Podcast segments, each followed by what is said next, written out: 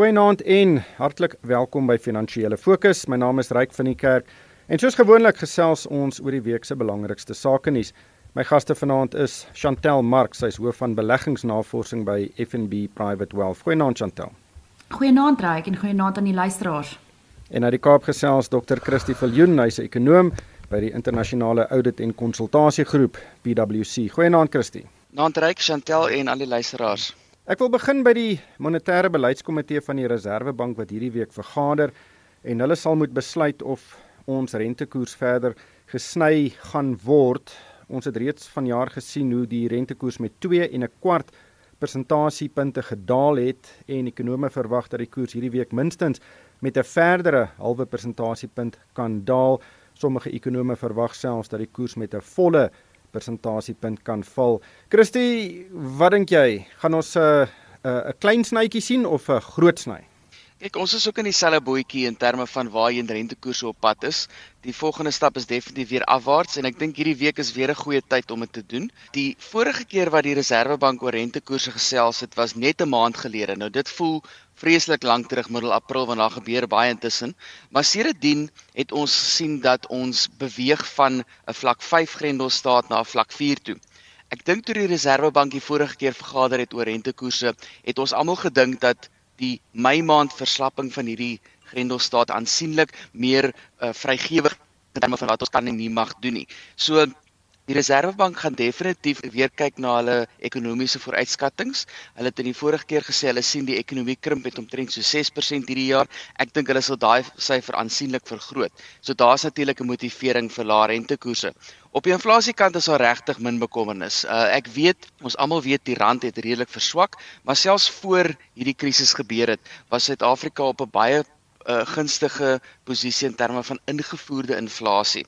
Dit is in werklik ons het deflasie ingevoer en op plaaslik was daar geen druk uit die verbruiker se kant op pryse nie. So die inflasie vooruitsigte, dit wat die Reserwebank uitgesit het, dit wat ons op die grond sien, dit wat ons verwag, lyk baie gunstig. Die kombinasie van daai twee beteken daar's definitief ruimte vir nog rentekoersverlagings. Ek dink ook 0.5 van 'n persentasie is iets wat baie realisties kan gebeur, maar ek sal ook glad nie basies indien hulle weer groot gaan vir 'n volle persentasiepunt nie. Ek dink daar's baie mense wat wens vir dit. Die mense wat nie daarvoor wens is natuurlik die wat van rentekoerse afhanklik is vir hulle inkomste, pensionaarsse en so, maar die oorgrootste ekonomie se se voordeel lê daarin dat hulle verder sal sny hierdie week. Um, ek dink dis die breë verwagting en ons almal sal gelukkig wees vir so 'n klein bietjie goeie nuus ook.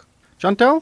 Ja, kyk van van ons perspektief af Daar is nie 'n probleem aan die vraagkant nie. Ehm um, inteendeel, ehm um, dit lyk asof daar volledige ineenstorting van aanvraag plaasgevind het oor die laaste paar weke. As jy dan kyk na verlaagde ekonomiese aktiwiteit vir 'n hele ruk, uh, sowel as beerdkrag wat dalk um later in die jaar weer kan begin pla.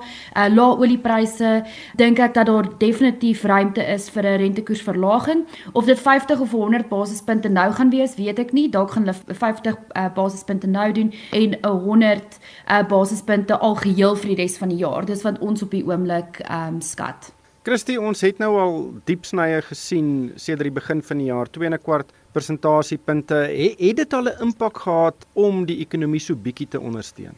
Kyk, die rentekoerse siklus werk op 'n kom ons noem dit so 12 tot 18 maande basis. Met ander woorde, as die rentekoerse nou gesny word, die impak of dit nou positief of negatief is afhangende van wat se kant toe dit gaan, die impak op die ekonomie vat so 'n jaar of 'n jaar en 'n half om werklik waar tot sy sy volle realisasie te kom. So dit is natuurlik op hierdie stadium met die snyer wat ons reeds gesien het, eintlik te vroeg om daai drastiese impak te sien. Uh, ek dink vir mense wat skuld het, byvoorbeeld huislenings, voertuiglenings, hulle sou natuurlik die afgelope maand of twee 'n verlaging gesien het in hierdie paemente. Nou dis goeie nuus, mens kan nie daarvan wegduins nie, maar die werklike impak gaan eers 'n tydjie vat. Ons sal ook weet dat baie van die mense wat nou daai verlaagde paement het, het dalk selfs geen inkomste gehad in April maand nie. Baie mense het 'n halwe inkomste, baie mense het skielik hulle werk verloor. So daar's definitief 'n positiewe impak, maar dit is nie asof ons nou 'n drastiese verandering gaan sien in die in die rigting waarin die ekonomie beweeg nie. Ons gaan definitief steeds 'n diep resessie hierdie jaar sien en daar's ook net soveel wat rentekoerse kan doen. Die Reserwebank sê dit elke keer as hulle praat oor rentekoerse, daar's strukturele uitdagings in die ekonomie wat maak dat hulle net so bietjie kan verander aan rentekoerse, klein bietjie kan help hulp gee met die ekonomie, maar die werklike impak kom van die regering en die fiskale kant af. So dit is ongelukkig uh, die die realiteit. Daar's net soveel wat rentekoerse kan doen onmiddellik en oor die volgende paar kwartale. Chantel, ek dink baie mense, baie huishoudings staar salarisverlagings in die gesig. Soos Christine nou gesê het, uh, sommige mense het hulle werk verloor, so hulle het geen inkomste nie ander se salarisse is uh, met 50% gesny, ander met 30, 20 en en dit gaan ook 'n geweldige verdere druk op verbruikers plaas. Is daar enige aanduiding van hoeveel mense nou al so 'n salarisverlaging of 'n verlies van inkomste uh, ervaar het? Nee, kyk, ons het nog nie ons het nog nie harde syfers op um, op hierdie op hierdie stadium nie, maar ons weet dat dit 'n massiewe impak gaan hê op die uh, op besteding as mens kyk na wat ons verwag vir die res van die jaar. Mense het al klaar gesien dat mense verskriklik baie minder um, uit uitgee. Ek meen van 'n transaksie perspektief af is um, daar op meeste kategorieë gesny. Uh, nie eers as mens kyk net na na wat mense spandeer op kos uh, is daar eintlik 'n 'n wesenlike verskil in terme van dat dit meer geword het nie. Alles het minder geword en mense spandeer minder oral. En ek dink om net by te voeg by hoe dit nie noodwendig hoe, hoe rentekoersverlaging nie noodwendig gaan help met ekonomiese groei nie. Ek dink mense gaan kyk na hulle skuldlas en hulle gaan besluit om dalk skuld af te betaal of eerder die geld te hou. Al het hulle dalk nou 'n inkomste, gaan hulle of bang wees dat daai inkomste een of ander tyd nie meer daar gaan wees nie. So ek weet nie of 'n rentekoersverlaging op enige vlak eintlik gaan lei tot 'n wesenlike verskil in ekonomiese groei nie. Natuurlik, Christie, is ons ekonomie gebou op verbruiksbesteding. En ek kan maar net sien in ons huis en in, in ons vriendekring en ek neem aan dis ook seker weier is dit uh, is mense spandeer minder in hierdie staat van inperking net omdat jy nie eintlik dit kan bestee nie. En dit gaan ook dalk 'n impak hê selfs wanneer ons na vlak 3 toe gaan. Mense kom agter hulle kan met minder besteding oor die weg kom. En dit natuurlik gaan ook 'n bietjie die knyp op die ekonomie erger maak.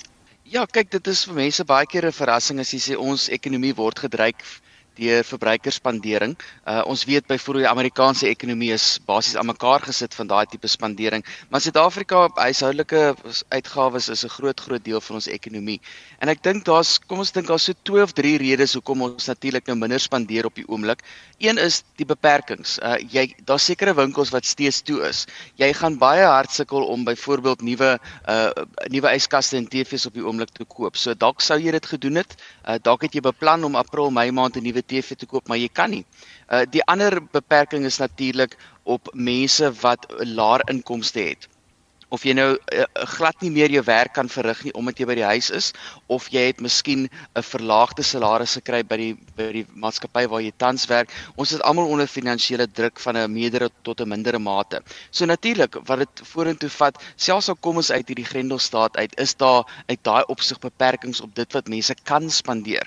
En dan moet ons ook miskien ook kyk na 'n soort van die die sielkundige aspek van mense wat bang is vir hierdie siekte waarmee ons nou te doen het. So selfs al maak meer winkels oop. Selfs al kan jy nou baie gemakliker op 'n Saterdag na 'n winkelsentrum gaan en by baie meer winkels uitkom, mense se gedrag gaan verander. Mense gaan omdat hulle bietjie bang is vir hierdie situasie en vir hulle gesondheid, gaan hulle minder uitgaan, minder winkels besoek, minder na restaurante gaan. Dit is natuurlik een van die groot goed wat daar heelwat heelwat gedebatteer word oor oor die bedryf van restaurante, oor afleweringe wegneem etes, wanneer kan jy weer gaan sit by 'n restaurant? En is heel moontlik dat mense vir 'n lang lang tyd gaan besluit om eerder 'n aflewering te neem as om by 'n restaurant self te gaan sit. En dit het ook 'n spanderingsimplikasie. As jy gaan sit by 'n restaurant, jy gaan oor die gemiddelde tydperk gaan jy meer geld spandeer as wat dit 'n aflewering is. So ja, selfs al het ons oor die volgende paar maande 'n verandering in die regulasies oor waarheen ons mag gaan, hoe gereeld ons mag gaan uit eet en waar ons mag wegneem etes neem byvoorbeeld, mense se gedrag gaan verander is 'n heeltemal 'n anderste wêreld waarin ons nou lewe. Uh Januarie, Februarie hierdie jaar was dinge nog, kom ons noem dit die ou normaal. Ons is op pad na 'n nuwe normaal, toe maar ons weet nog nie werklik hoe lyk hierdie nuwe normaal nie. Ons probeer nog verstaan waar ons op die oomblik is. So die nuwe normaal vir verbruikersspandering kan dalk aansienlik anders lyk en ons ons probeer dit maar week vir week uitwerk hoe dit aangaan. Ons weet nie hoe dit gaan lyk in Augustus, September nie. Ons weet glad nie hoe lyk die Desember vakansies nie. Ons dink nie eers aan hoe die hoe die skole noodwendig vakansies gaan hê nie, maar niemand het op hierdie stadium 'n idee hoe Kersfees en Desember vakansies hierdie jaar lyk nie. Dit is net te ver vir ons om te te kan raai waar die verbruiker op daai stadium gaan wees. Hooplik in daai tyd kan ons almal 'n wyntjie koop. Ek neem aan dit spaar baie mense maar ook 'n bietjie geld. Chantel, kom ons gesels oor die Suid-Afrikaanse lugdiens. Uh, die lugdiens het nou hierdie week die eerste keer 'n blik gegee van hulle geldsaake. Hulle het in die parlement hulle state voorgelê en die nuus is skokkend. Die lugdiens het die afgelope 2 jaar elke jaar meer as 5 miljard rand se verliese gely en dit is boonbehalwe die ondersteuning wat hulle van die regering gekry het en dit is baie baie duidelik dat Pravin Gordhan die minister van openbare ondernemings net nie wil laat los nie en dat daar nog steeds gesprekke is tussen die minister en die sake reddingspraktisyn om die SAL in een of ander vorm te behou. Wat het jy van daai situasie gemaak? Ja, kyk, ek ek dink die probleem hier is dat as uh, eh, SAL gelikwideer word, sal daar baie druk vanaf die unies wees eerstens en dan ook op die staat se fiskus, want onthou baie van SAL se skuld word gewaarborg deur die staat. So 'n likwidasie sal lei tot kontant kontantvloei druk. En ek dink daar's ook baie onsekerheid oor hoe om te werke te gaan om die lugredery as industrie of die lugredery industrie aan die gang te hou gedurende hierdie tydperk. So van my perspektief af dink ek die beste ding sal wees om 'n vernoot aan boord te bring. Ek dink polities sal Ethiopië die meeste sin maak. Um, hulle is nogals redelik suksesvol in wat hulle doen. Ek weet hulle het nog nie bevestig dat hulle praat met uh, Suid-Afrika uh, nie, maar ek sal nie verbaas wees as daar iets in die pipeline wat soortgelyk is, ehm um, huidigelik is nie. Christie, jou siening? Ja kyk, ons weet nou die afgelope hele paar jaar het ons 'n probleem met ons kom ons noem dit maar uh, soos in Engels sê state owned entities die groot staatsinstellings en maatskappye wat dienste lewer aan die ekonomie wat nie winsgewend dit kan doen nie. Ons kyk dan Eskom, SAL, dis nou die twee grootstes waarvan ons altyd weet want hulle is meestal in die nuus, maar daar's dosyne ander wat wat ook finansiële uitdagings het. Ek dink op hierdie stadium die die behoefte by die staat is natuurlik om meer as ooit sinvol hulle geld te spandeer. Die finansiesminister het onlangs gesê hulle dink dat uh, belastinginkomste kan met meer as 30% val hierdie jaar teenoor wat hulle verwag het. Dit beteken letterlik daar's 30% minder geld wat die staat kan uitgee op al ons behoeftes, op oral al die punte waar hulle gewoonlik geld spandeer. So ons kan nie werklik op hierdie stadium bekostig om geld te spandeer op iets soos 'n staatsinstelling wat nie finansiëel haalbaar is, wat nie winsgewend is nie. Interessant genoeg, SAL maak ook op hierdie stadium omtrent geen inkomste nie, want vlugte plaaslik en internasionaal het basies opgehou. So ons sit met 'n situasie waar die die lang uittrek sage van om om SAL aan die gang te hou op hierdie stadium meer krities as ooit is. Nou dis maklik om op op verskeie punte in die verlede dit te sê, maar ons kan werklik nie hierdie bekostig nie. So dis hoekom dit is kommerwekkend dat ons uh kyk daarna om amper teen teen alle koste weer so ligredery aan die gang te kry. Ek weet daar's die gesprek tussen word die huidige ligredery uh finansiëel ondersteun om om aan te gaan of word 'n nuwe een geskep. So ek probeer natuurlik uit 'n nie politieke oogpunt daarna kyk. Ek kyk nou daarna suiwer uit 'n regeringsfinansies oogpunt. En ons weet nou Israel het hierdie week nou hulle finansiële resultate vir die afgelope 2 jaar uiteindelik nou beskikbaar gemaak en daar sien ons die miljarde rande se verliese en ek dink deesdae dink mense aan enige miljard rand wat verlore gaan, dink jy, hoeveel hospitaalbeddens kon jy koop vir dit? Hoeveel maskers, hoeveel handskoonmaakmiddels, hoeveel dokters kon jy ekstra gekry het? En dis waar ons fokus op die oomblik moet wees. Uh daar is natuurlik baie politieke aspekte betrokke agter SAL. Uh ek weet Pravin Gordhan het byvoorbeeld 'n week of wat terug gesê toe iemand van hom vra maar hoekom het ons vir SAL? Toe verwys hy na een of twee vlugte wat SAL gedoen het om Suid-Afrikaners huis toe te bring wat vasgesit het in in China onder andere. So daar is daar's 'n geldige punt daar, maar daar is natuurlik baie ander lugrederye wêreldwyd ook.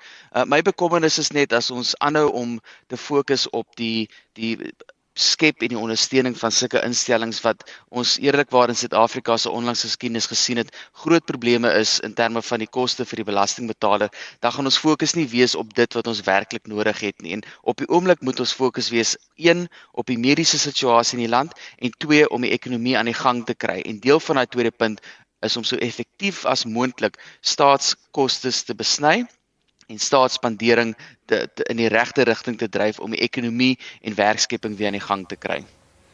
Ja, ek sal dit 'n bietjie sterker stel. Ek dink die regering het nou al vir 10 jaar gewys dat die SAL kan nie werk in sy huidige vorm nie. Die verliese is net eenvoudig te groot vir Suid-Afrika se belastingbetalers om te betaal. Ek dink sit hy liggie af om nou te gaan verwag van 'n sake reddingspraktisyn om binne 3 maande 'n plan op die tafel te sit om die hele lugdiens net nou weer lewensvatbaar te maak is 'n uh, is 'n droom en uh, en hopelik kan daardie besluit vinniger as later geneem word. Hoe langer daai lugdiens aan die gang bly, hoe meer gaan dit Suid-Afrikaanse belastingbetalers kos. Ons het reeds gaan geld leen by die IMF e om juis daai beddens, hospitaalbeddens uh, en en en medisy te kry om gereed te wees vir die koronavirus. Chantel, Kom ons gesels oor die markte. Um, ons sien nou daar is geweldig baie likwiditeit in die wêreld. Ons sien hierdie stimuluspakkette in Amerika, Europa, ook in ander dele van die wêreld en natuurlik begin daai likwiditeit nie altyd vloei in die ekonomie in nie. Dit vloei ook in aandelemarkte in en dit vloei ook na ontleikende markte waar daar goeie opbrengste op staatseffekte eh, beskikbaar is so Suid-Afrika en ook in aandelemarkte en dit is hoekom die markte oorwegend hoër is as wat baie mense sou verwag. Hoe, hoe sien jy daardie dinamika?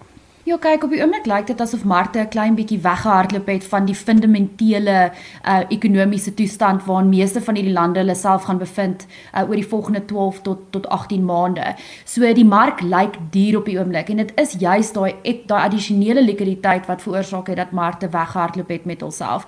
Ek dink dat daai fundamentele probleme gaan uh beleggers inhaal en dat ons teen teen 'n bietjie sagheid in die mark gaan kry oor die volgende paar maande. Ek dink hierdie week was al klaar 'n uh, 'n afweek gewees en en die eerste week van Mei was ook nie besonders gewees nie. En ek dink ons gaan teen teen 'n druk in die markte sien vir nog 'n rukkie tot daai tot tot die markwaardes ehm um, reflekteer wat wat werklik in ekonomie aangaan. Uh, so daar is ek dink daar is geleenthede as mens kyk tussen aandele, maar as 'n algeheel lyk like markte wêreldwyd duur op die oomblik. Net laastens Chantel, ons het een koöperatiewe transaksie hierdie week gesien en dit lyk werklik of koöperatiewe transaksies opgedroog het die afgelope paar maande en die transaksie was Dischem, die apteekgroep wat Baby City vir 'n vir 430 miljoen rand gekoop het. Dit is 'n taamlike groot oorneem van Dischem veral in die tye waarin ons onsself bevind op die oomblik. Wat het jy van daardie transaksie gedink? Ja, kyk, ek dink dat ehm um, eiendomseienaars was baie negatief oor hier gewees want ek weet Dischem is een van die maatskappye wat nie wil huur betaal op die oomblik nie. Ehm um, maar ek dink dis 'n baie goeie transaksie vir Dischem. Ek dink Baby City maak ongelooflik baie sin vir hulle. Hulle het 'n groot uh baby, hulle noem dit 'n ehm um, baby program waar jy 'n sak vir 'n nuwe mamma gee en hulle het klinieke en ehm um, hulle stap so op 'n pad saam so met nuwe ma's en pa's. So baby city maak 100% sin vir hulle. Daar word 900 000 nuwe babas gebore in Suid-Afrika elke jaar. So dit maak ekonomies sin ook. Ehm um, ek dink ons gaan eintlik 'n bietjie meer aktiwiteit van 'n koöperatiewe aksie perspektief af sien want ek dink daar gaan baie van hierdie uh privaat maatskappye wees wat dalk onder 'n bietjie ekstra druk is en gewillig sal wees om teen 'n goedkoper as normale prys te laat gaan van van die bates. Ja, dit gaan interessant wees inderdaad. Ons hulle daarmee los. Baie dankie aan Chantel Marx, sy is hoof van beleggingsnavorsing by FNB Private Wealth en ook Dr. Christie Viljoen, hy's 'n ekonom by die internasionale audit en konsultasiegroep PwC. En vir my ryk van die kerk, dankie vir die saamluister en ek hoop almal het 'n winsgewende week.